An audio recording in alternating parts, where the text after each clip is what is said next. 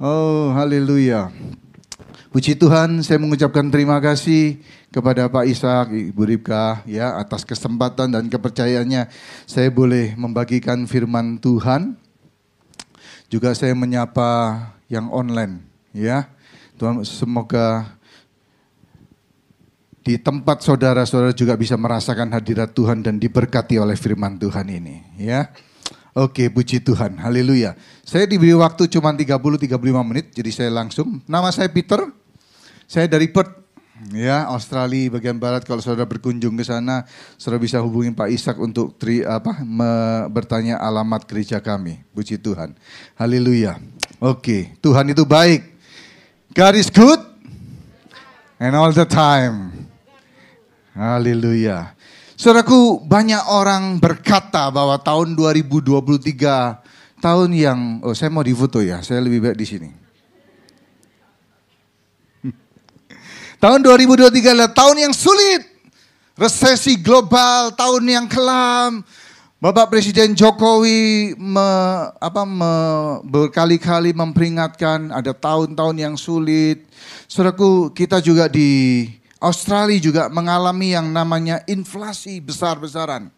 Kenapa? Karena pada waktu pandemi, Australia itu cetak uang banyak. Supaya apa? Supaya support bisnisnya, support uh, orang-orang, penduduk-penduduknya. Bahkan saya sempat seragu sebagai hamba Tuhan di gereja, saya terima gaji. Ya, saya sempat dipelihara oleh pemerintah Australia enam bulan. Bagaimana? Karena saya saya apa eligible untuk minta sumbangan dari government ya. Gaji saya di, di, diberi gaji sama government ya. Kenapa? Karena income kita merosot dari cuman 10% karena online gitu. Jadi kita tunjukkan mereka approve digaji ya. Enam bulan saudaraku dan pada waktu itu kita benar-benar mengalami hal yang sulit, saudaraku kita mesti online. Tapi saudaraku hari ini ada kabar sukacita buat saudara. Sekalipun tahun yang di depan, tahun ini, tahun yang sulit. Kita tahu bahwa Allah kita Allah yang luar biasa, Allah yang mampu melakukan segala perkara. Allah yang memberikan mujizat di tengah-tengah kita. Orang yang benar, dipelihara Tuhan, yang percaya tepuk tangan buat Tuhan. Sorak-sorai bagi dia, haleluya. Saudaraku saya mau kita baca satu ayat yang cukup luar biasa. Mungkin saudara jarang dengar khotbah ini. Tapi tiba-tiba hati saya tergerak untuk buat tema ini ya. Amsal 15 ayat yang ke-8. Kita baca sama-sama ya satu ayat ini pendek sekali kita baca dengan suara keras. Oke, sudah siap semua? Amsal 15 ayat yang ke-8. 1 2 3. Korban orang fasik adalah kekejian bagi Tuhan. Tetapi doa orang jujur dikenanya. Sekali lagi saya katakan, tetapi doa orang jujur dikenanya. Doa orang jujur dikenanya. Saya percaya saudara berdoa. Ada doa pagi di tempat ini, saya nggak tahu mungkin ada doa malam. Saudara rajin berdoa, saudara ketika menghadapi masalah, persoalan dalam kehidupan saudara, saudara datang kepada Tuhan, saudara berdoa, saudara minta pertolongan Tuhan. Tapi ketika saudara berdoa, saudara menanti pertolongan Tuhan tidak kunjung datang. Dan akhirnya saudara bertanya, Tuhan kenapa? Di mana engkau? Kenapa Tuhan nggak tolong saya? Tapi di sini ayat yang ini di Amsal 15 ayat yang ke-8 berkata dengan jelas doa orang jujur dikenan Tuhan. Pertanyaannya saudaraku hari ini, apakah kita orang jujur? Apakah kita jujur di hadapan Tuhan? Di hadapan pemerintah kita? Di hadapan suami istri kita? Apakah kita orang jujur? Ini satu pertanyaan buat saudara. Karena doa orang jujur dikenan Tuhan. Doa orang jujur dijawab Tuhan. Tuhan berkenan dengan kehidupan dan doa orang jujur. Karena itu ketika kita menjadi orang yang jujur di hadapan Tuhan. Saya percaya mujizat terjadi dalam kehidupan kita. Karena doa kita didengar oleh Tuhan. Yang percaya katakan amin. Saudaraku kejujuran bisa dihasilkan dari sebuah moral yang baik. Negara Jepang itu terkenal punya dua value, dua nilai yang cukup luar biasa, moral yang tinggi. Mereka punya kebersihan yang tinggi, ya, dan mereka punya kejujuran yang tinggi. Saudara, kalau saudara ke Jepang, saudara hilang handphone saudara di taksi atau di mana, ya, atau barang saudara hilang, asal ada info yang jelas, pasti kembali. Mereka ditanamkan sejak dari kecil, jangan mengambil barang yang bukan milikmu. Dari sejak kecil mereka orang tua mereka mengajar mereka seperti itu. Ditanamkan nilai moral seperti itu, kejujuran kamu harus jujur. Ketika kamu bekerja kamu harus jujur. Pada waktu mereka ketahuan korupsi pun mereka langsung malu, mereka langsung bunuh diri. Karena kejujuran merupakan satu moral yang sangat tinggi dalam kehidupan mereka. Mereka tidak akan mengambil barang yang bukan miliknya. Ya, kalau dipikir-pikir orang Jepang, kekristenan di Jepang cuma satu setengah persen. Tujuh persen orang ateis. Selebihnya Sinto dan Buddhism. Tapi mereka mengajarkan value itu moral itu. Saudaraku, kalau kita lihat ya, kita mestinya sadar, kita mestinya malu bagaimana negara yang bukan Kristen. Tetapi mereka bisa jujur. Mereka bisa punya moral seperti itu. Sedangkan kita orang-orang Kristen kadang-kadang masih tidak jujur dalam kehidupan kita. Nah, bagi orang Kristen Kejujuran bukan sekedar nilai moral. Perhatikan, kejujuran adalah identitas kita sebagai anak Allah. Mereka bisa menghasilkan moral, mereka bisa menanamkan kejujuran dalam kehidupan mereka dan mereka melatih anak-anak mereka untuk jujur sebagai satu moral. Tapi saudaraku saya mau katakan pada pagi hari ini kejujuran bukan hasil dari produk moral tapi identitas kita sebagai anak Allah. Kita harus jujur karena kita ini anak Tuhan, anak Allah. Ayub 1 ayat 1. Banyak ayat ini tidak diperhatikan, tapi ada satu kata yang cukup menarik. Ada seorang laki-laki di tanah Us bernama Ayub. Orang itu saleh dan dan apa? Jujur. Jadi Ayub itu orang yang jujur. Alkitab sendiri menulis itu. Tuhan sendiri menyatakan bahwa Ayub itu orang jujur. Wow. Jadi saudaraku saya percaya bahwa kita percaya bahwa tidak ada satu pun yang kita bisa sembunyikan di hadapan Tuhan, betul? Kalau saudara datang ke Pak Ishak berkata, Pak saya orang jujur. Mungkin ada yang bisa disembunyikan. Tapi apakah ada yang bisa disembunyikan di hadapan Tuhan? Tidak ada. Alkitab katakan dengan jelas, dia orang jujur, dia takut akan Allah dan menjauhi kejahatan. Ayub juga dikenal sebagai seorang yang pernah mengalami ujian yang terberat dalam sejarah manusia. Tidak ada satu manusia pun yang yang pernah mengalami ujian seberat Ayub. Ya. Tapi saudaraku, ketika saudara pun mengalami masalah, saudaraku taruh tangan saudara di dada dikatakan, aku belum mengalami seperti Ayub, aku pasti ditolong Tuhan. Karena kita nggak pernah mengalami seperti Ayub. Apa yang dialami Ayub? Lembu, sapi, dan keledainya diserang dan diambil oleh orang-orang Seba. Ribuan. Api menyambar dari langit. Waduh saudaraku.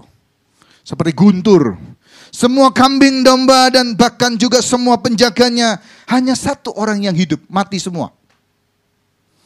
Orang-orang Kasdim membentuk tiga pasukan dan menyerang penjaganya dan mengambil semua ontak-ontanya. Orang Kasdim tiba-tiba menyerang dia. Apa yang terjadi lagi? Tujuh anaknya laki-laki dan tiga anaknya perempuan. Ketika mereka sedang pesta bersama, mati bersama, karena pada saat itu datanglah topan badai dan tembok rumah mereka rubuh dan menimpa mereka. Mati seketika semua anak-anak Ayub. Juga Ayub kehilangan kesehatannya, terkena barah yang busuk. Telapak kakinya sampai kepalanya, saudaraku barah itu uh, satu luka, terus kemudian bau bukan main bernanah, infeksi suruh. Sehingga Ayub harus menggaruk badannya dengan sekeping beling. Kesakitan dia. Menariknya meskipun demikian penderitaan Ayub, Alkitab bawa, mencatat bahwa Ayub tidak berdosa dengan bibirnya. Mungkin Ayub mengalami kesalahpahaman tentang Tuhan. Dia banyak bertanya tentang Tuhan. Ada 70 pertanyaan Ayub. Dan tidak ada satupun Tuhan menjawab. Ayub bertanya sama Tuhan kenapa dia alami seperti itu. Tapi di tengah kesusahannya, penderitaannya Ayub tetap menjaga imannya, percayanya, percayanya dan akhirnya dia dipulihkan oleh Tuhan dua kali lipat. Yang percaya katakan amin. Nah, tapi ada satu karakter yang luar biasa. Seakan-akan membuat Allah itu bangga akan Ayub. Ayub 1 ayat 8. Yaitu Ayub seorang yang jujur. Tuhan itu bangga sama Ayub. Di hadapan iblis dia berkata begini. Lalu bertanyalah Tuhan kepada iblis. Apakah engkau memperhatikan hambaku Ayub? Sebab tidak ada seorang pun di bumi seperti dia yang demikian saleh dan jujur. Wah, dahsyat enggak? Luar biasa ya. Sampai Tuhan ngomong di depan iblis loh, bangga dia akan Ayub. Dia berkata, nggak ada satu orang pun di bumi ini yang seperti Ayub yang demikian saleh dan jujur. Sangin bangganya Tuhan sama Ayub, saudaraku. Dia banggakan di depan iblis. Dan akhirnya itu membuat satu pertaruhan antara iblis dengan Tuhan untuk menguji Ayub. Kalau semuanya aku ambil, semua hartanya dia akan menghujat engkau. Tapi Tuhan bangga sama Ayub karena dia jujur. Karena itu saya percaya dalam Amsal 15 ayat 8 doa orang jujur dikenang Tuhan. Wow.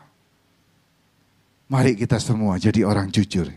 Yang mau katakan amin. Yang mau katakan amin. Ada dua poin saudaraku hari ini. Yang pertama kejujuran adalah identitas kita sebagai anak Allah. Dalam Yohanes pasal 8 ayat yang ke-44. Alkitab katakan begini. Iblislah yang menjadi bapamu. Dalam bahasa Inggris jelas, you belong to your father, the devil. Kamu menjadi milik kepunyaan bapamu, setan itu. Saudaraku, Tuhan ngomong sama siapa sih ini? Yang luar biasa Tuhan ngomong sama orang-orang Farisi, ahli Taurat, orang-orang beragama, orang-orang yang belajar Taurat, orang-orang yang mengajar, orang-orang yang pintar, orang-orang yang punya kedudukan sebagai hamba Tuhan. Tapi Tuhan ngomong sama mereka, iblislah yang menjadi bapamu. Wow. Dan kamu ingin melakukan keinginan-keinginan bapamu. Ia adalah pembunuh manusia sejak semula dan tidak hidup dalam kebenaran. Sebab di dalam iblis tidak ada kebenaran.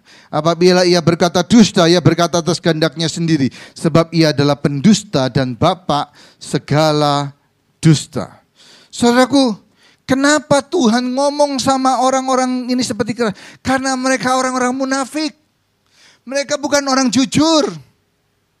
Mereka mengajarkan sesuatu tapi mereka tidak melakukannya. Ketika mereka mereka hanya berdoa supaya dilihat orang. Oh munafik banget.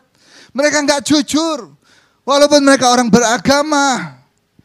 Tetapi Tuhan tahu apa yang yang dilakukan mereka dengan jelas. Matius 23 ayat 3b sampai ayat yang keempat. Tetapi janganlah kamu turuti perbuatan-perbuatan mereka. Karena mereka mengajarkannya tetapi tidak melakukannya. Mereka mengikat beban-beban berat lalu meletakkannya di atas bahu orang. Tetapi mereka sendiri tidak mau menyentuhnya. Saudaraku, mari. Dalam Yakobus 1 ada satu perikop dikatakan jadi pendengar atau pelaku firman.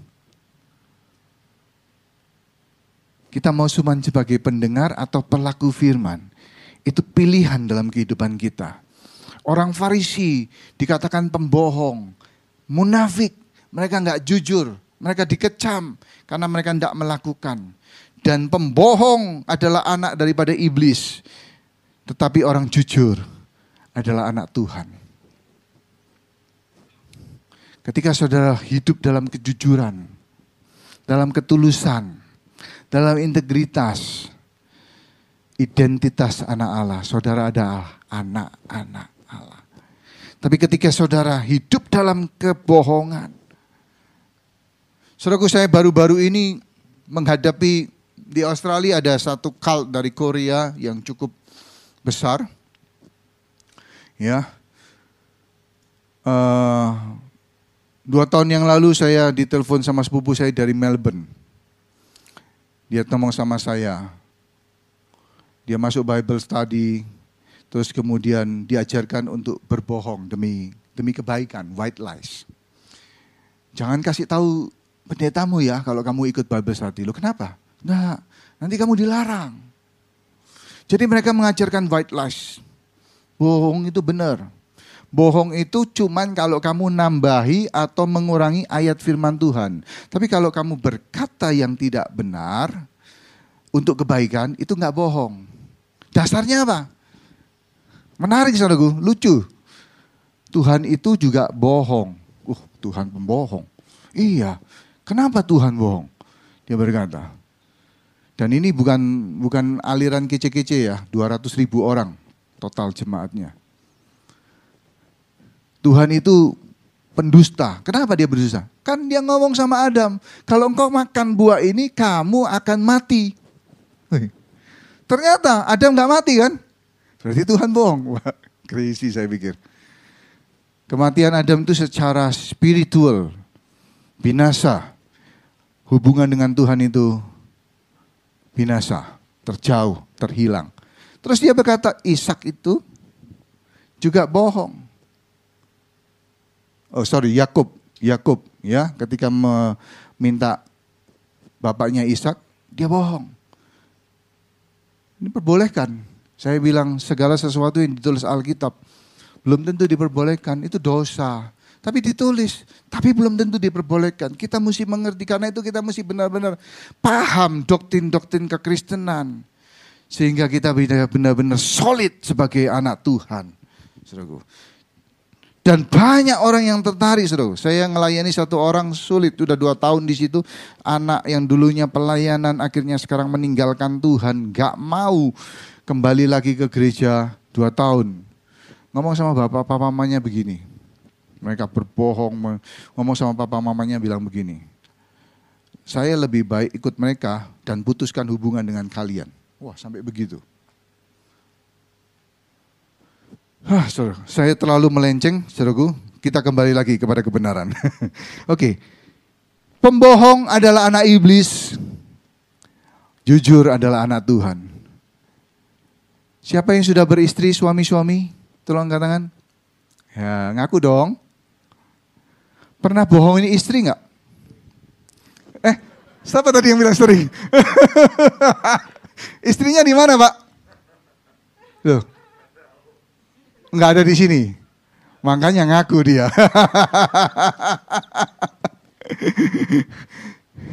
Suami bilang, oh, kalau pergi mancing karena istrinya nggak suka dia mancing, oke okay lah, ya toh. Tapi perlu pemberesan itu. Tapi kalau ngomongnya rapat, tapi ke karaoke, ya itu bohong kan. Yang sudah bersuami istri-istri, tolong katakan, ya. Pernah bohongin suami enggak? Tidak ya? Ada satu ibu, Pak, saya bohongin suami. Bohongin apa? Saya ngentit uang suami. Uang. Saya kenapa kok begitu? Uang suami kan uang Anda. Waduh Pak, Pak nggak tahu suami saya pelitnya bukan main. Jadi akhirnya istri itu ngentit saudaraku buat belanja banano. Saudaraku, kita perlu jujur dalam kehidupan kita. Anak-anak perlu jujur kepada orang tua saudara. Mika 7 ayat 2 sampai 3. Berkata begini. Orang saleh sudah hilang dari negeri. Dan tidak ada lagi orang jujur di antara manusia. Wow. Saudaraku ketika saudara jujur, saudara akan kelihatan berbeda. Karena dunia kebanyakan adalah dunia yang penuh dengan ketidakjujuran. Saudara akan kelihatan berbeda, saudara akan disingkirkan, saudara akan di, uh, dijauhi, dilecehkan bahkan mungkin. Ketika saudara nggak mau korupsi, saudara benar-benar kerja dengan benar, sedangkan orang lain alasan begini, padahal nggak kerja, tapi saudaraku, kejujuran menjadi sesuatu yang manis di hadapan Tuhan. Sekalipun itu langka, kita akan lihat banyak pengemis pura-pura sakit. Kita akan lihat banyak orang-orang yang pedagang yang curang, orang yang tidak membayar teks, ya, produsen-produsen iklan yang menggunakan trik banyak koruptor-koruptor. Bukti dari nilai kejujuran itu memang sudah pudar. Bahkan kita sering kali tergelincir dengan kata-kata yang uh, kecil. Kita pikir itu anu, kita ngomong sama anak kita, kita suruh dia kalau ada tamu cari papa ya. Itu itu orang pajak. Bilang papa nggak ada di rumah ya. tapi tanpa ah sorry, tapi tanpa sadar kita menanamkan kebohongan. Saudaraku anak itu nggak perlu diajarin sudah bisa bohong, apalagi kalau kita memberi contoh. Bohong. Satu waktu dia akan berbohong sama kita. Ketika dia ketika dia pacaran atau melakukan sesuatu yang yang dia tahu orang tuanya nggak suka, dia pasti berbohong. Ada satu cerita sedih, saudaraku. Seorang ketika masa COVID, papa mama kena COVID. Mereka isolasi. Terus kemudian Istri itu punya suami juga kena COVID. Bapak mertua meninggal, suaminya juga meninggal. Apa yang terjadi? Mamanya setelah sembuh, nyariin anaknya. Nah, menantunya bingung mau jawab apa. Dia takut kalau dia ngomong anaknya sudah meninggal, bakal drop, bakal berangkat juga.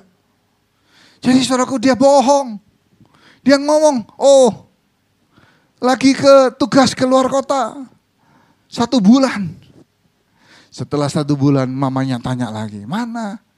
Saya pakai nama ini aja, si Ahong. Mana si Ahong?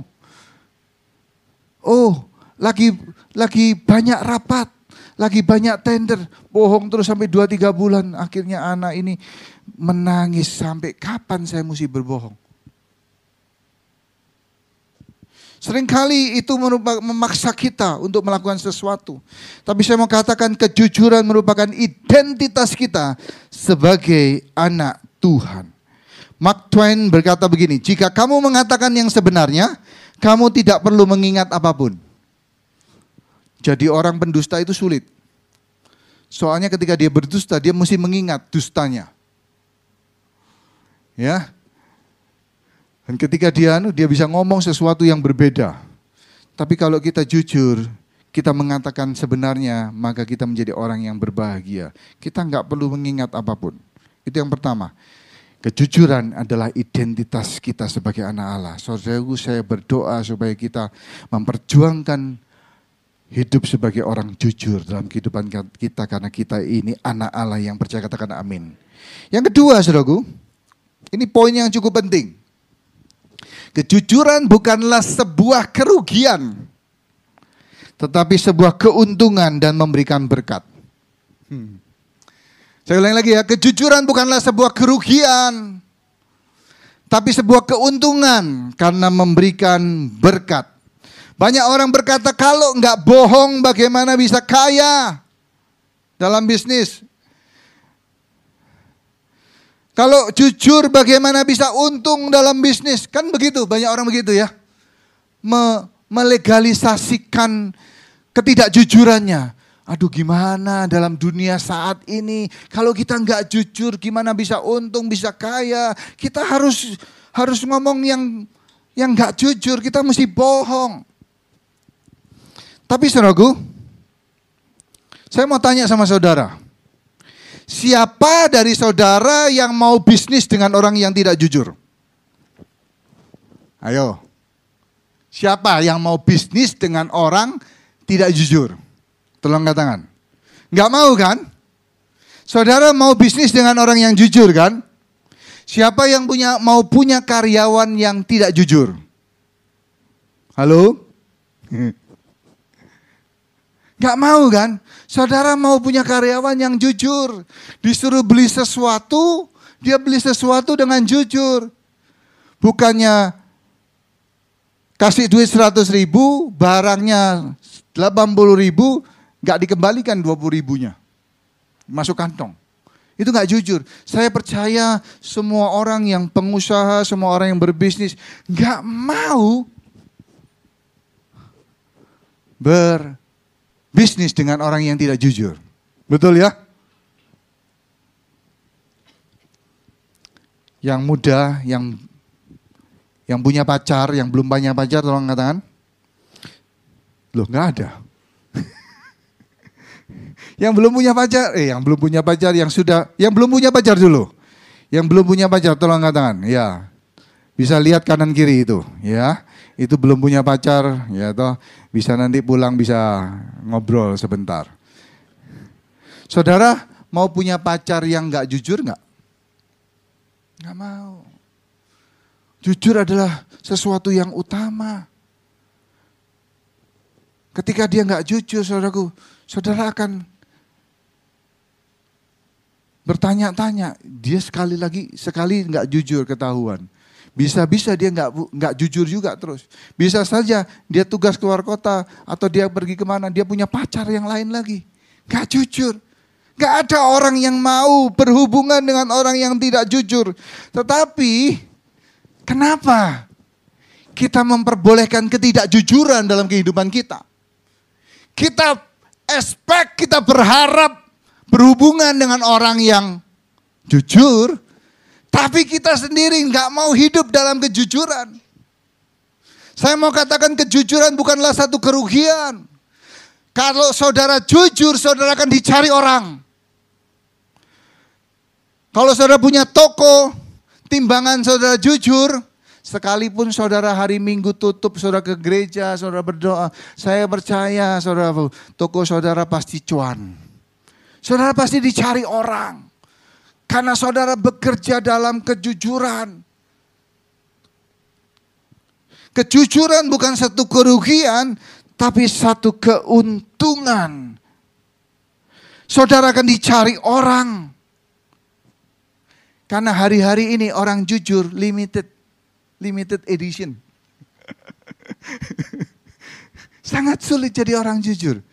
Karena itu kalau saudara hidup dalam jujur, saudara ini satu sesuatu yang langka. Saudara dicari orang. Jadilah orang jujur. Jangan terbiasa berbohong. Bertobatlah pada hari ini.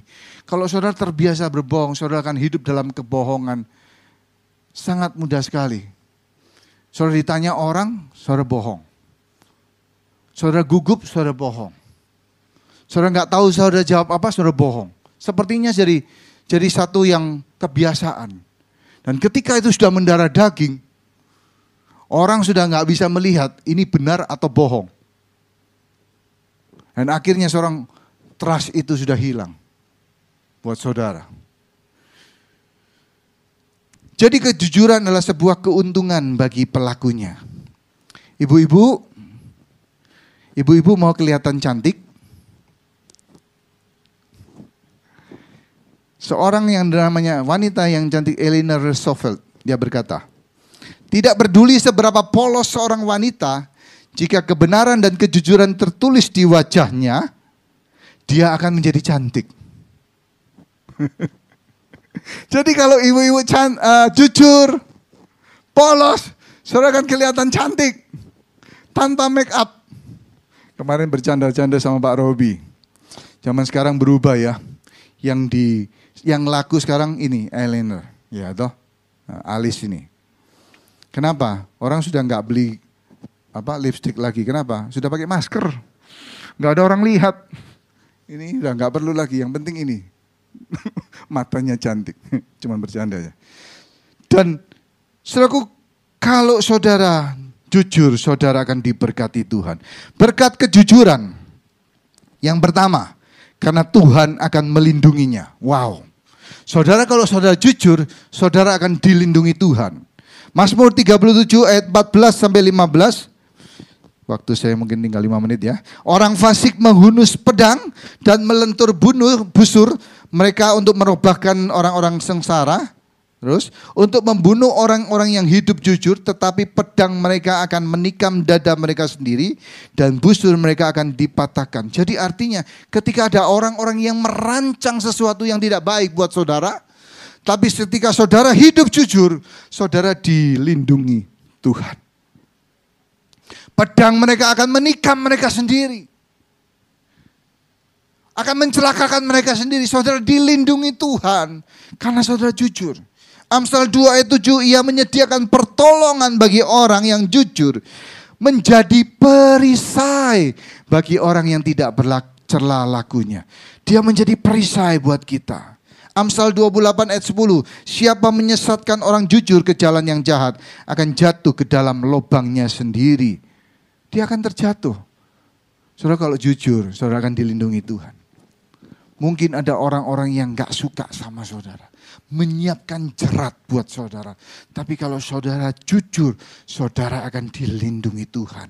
Yang percaya katakan amin. Tepuk tangan buat Allah kita. Memang orang jujur nggak lepas dari yang namanya masalah. Iya. Karena permasalahan, persoalan itu bagian kehidupan di dunia ini. Kita sebagai orang jujur kita juga tetap ada masalah. Tapi di tengah kejujuran kita, Tuhan itu melindungi kita. Yang kedua, berkat orang jujur yang pertama Tuhan melindungi, yang kedua orang jujur akan diperkenan Tuhan. Tadi ayatnya di situ. Doa orang jujur dikenannya, ada favor Tuhan. Saudara, kalau Tuhan memberikan favor dalam kehidupan seseorang, dalam kehidupan kita luar biasa. Favor kemudahan, ada hal-hal yang dipermudahkan, sesuatu yang sulit dibuat mudah karena kita ini jujur di hadapan Tuhan. Amsal 3 ayat 32, karena orang sesat adalah kekejian, tetapi dengan orang jujur ia bergaul erat. Wow. Wow. Wow. Tuhan itu bergaul erat dengan orang jujur, saudaraku. Kalau saudara jujur, saudara nyembah sama Tuhan, Tuhan dekat. Saudara bisa rasakan langsung hadirat Tuhan karena kejujuran saudara. Saudaraku, Daud itu pernah, Daud itu luar biasa, walaupun dia banyak salah. Ketika seorang Nabi Nathan berkata, You are the man. Engkau orangnya. Daud langsung turun dari tatanya. Dia berlutut, dia berkata, dia menangis. Aku menyesal. Dia jujur mengakui kesalahan dosanya. Dia membunuh, dia berzina. Dia merancang yang jahat. Dia mengambil istri orang walaupun orang itu sudah mati, saudaraku. Bahkan anak buahnya sendiri, orang yang orang yang menjadi pahlawan-pahlawan buat Daud. Dia kenal suaminya, dia kenal kakeknya Betsheba. Orang-orang itu semua sakit hati karena Daud. Tapi dia jujur mengakui ketika dia bersalah. Dia berlutut, dia minta ampun. Saudaraku, orang jujur akan dikenan Tuhan. Yang terakhir, yang ketiga, orang jujur akan diberkati Tuhan. Amsal 2 ayat 21.